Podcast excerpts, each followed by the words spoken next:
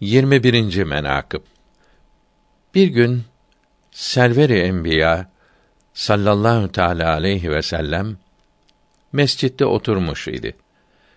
Cebrail aleyhisselam geldi. Sultan-ı Enbiya Hazreti Cebrail ile söyleşirdi. Eshab-ı kiram mescide gelip Seyyid-i kainatı meşgul görüp bildiler ki Hazreti Cebrail ile söyleşir. Sükût edip oturdular. O sırada Hazret Ali radıyallahu teala anh içeri girip selam verip yerine oturdu. Hazreti Osman radıyallahu teala anh gelip selam verip yerine oturdu. Sonra Ebu Bekr radıyallahu teala anh gelip selam verdikte Hazreti Cebrail aleyhisselam ayak üzerine kalktı.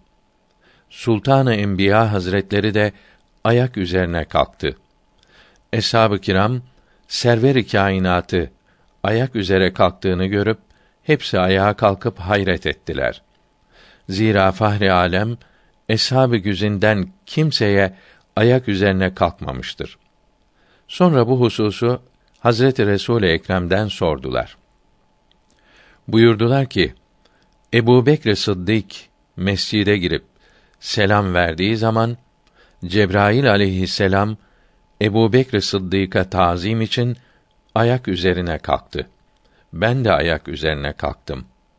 Sonra ya kardeşim Cebrail Ebu Bekre ne için tazim ettiniz diye sordum.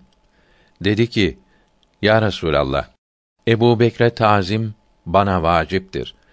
Zira Ebu Bekr benim hocamdır. Ben sordum, neden dolayı hocandır? Cebrail aleyhisselam dedi ki, Ya Muhammed sallallahu aleyhi ve sellem, Hak Subhanehu ve Teala Adem aleyhisselatu vesselam'ı yarattığı zaman meleklere Hazreti Adem'e secde ediniz diye emretti. Benim hatırıma geldi ki secde etmeyeyim. Ben ondan eftalim. Zira ki o balçıktan yaratılmıştır dedim. Bunun üzerine olmaya niyet eyledim. O zaman ki Ebu Bekir'in ruhu arş altında nurdan bir kubbe, köşk içindeydi. Köşkün kapısı açıldı. Ebu Bekir'in ruhu çıktı. Bana dedi ki, Ya Cebrail, secde eyle. Sakın muhalefet etme. Bunu üç kere tekrarladı. Arkama üç kere eliyle vurdu. O sırada kalbimden kibr ve enaniyet ve inat gitti. Adem'e secde eyledim. Benden kibr ve enaniyet iblise intikal edip Adem'e secde etmedi. Ebedi tard edilip melun oldu ve ben de ebedi saadete kavuştum.